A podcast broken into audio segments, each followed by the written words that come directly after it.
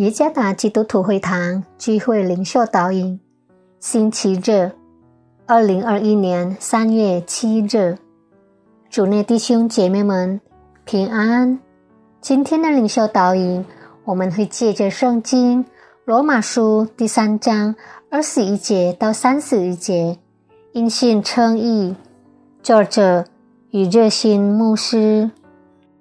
罗马书第三章。二十一节到三十一节，但如今神的意在立法以外已经显明出来，有立法和先知为证，就是神的意，因信耶稣基督嫁给一切相信的人，并没有分别，因为世人都犯了罪，亏欠了神的荣耀，如今却蒙神的恩典，因基督耶稣的救赎。就白白的称义，神设立耶稣做挽回祭，是凭着耶稣的血，借着人的信，要显明神的义，因为他用忍耐的心宽容人先知所犯的罪，好在今时显明他的义，使人知道他自己为义，也曾信耶稣的人为义。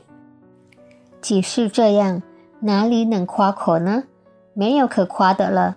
用何法没有的呢？是用立功治法吗？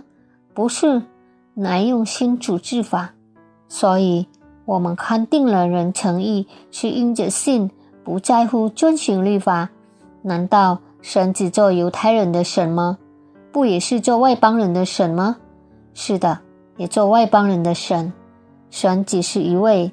他就要因信成那说歌里的为义，也要因信成那未说歌里的为义。这样，我们因信废了律法吗？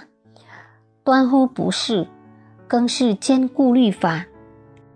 很多的人都认为靠行为，那就能被涂抹。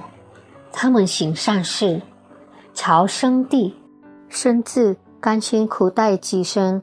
有一位基督教改革家马丁路德也曾经做过同样的事，就是当他还不明白有关恩典的概念时，他曾经睡在硬邦邦的地板上，进食和用手及膝盖来爬肉麻圣梯的石阶。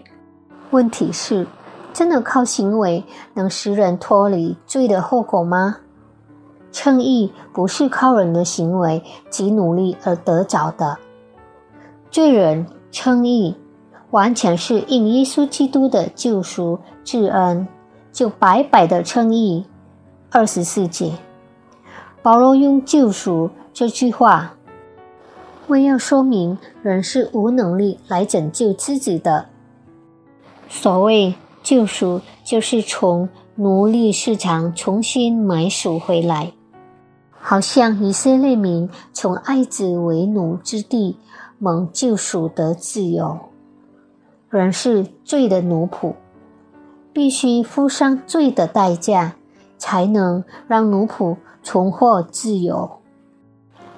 因此，耶稣用他的生命来偿还人的罪债，让罪人能知罪的永刑中得自由。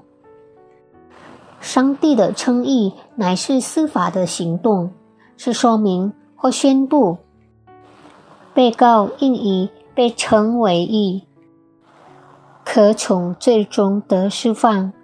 当一个人信耶稣基督，就因基督的救赎改变了罪人成为义人，再次重生。称义并非因行为和人的功劳。乃是因我们以信心接受耶稣基督的缘故。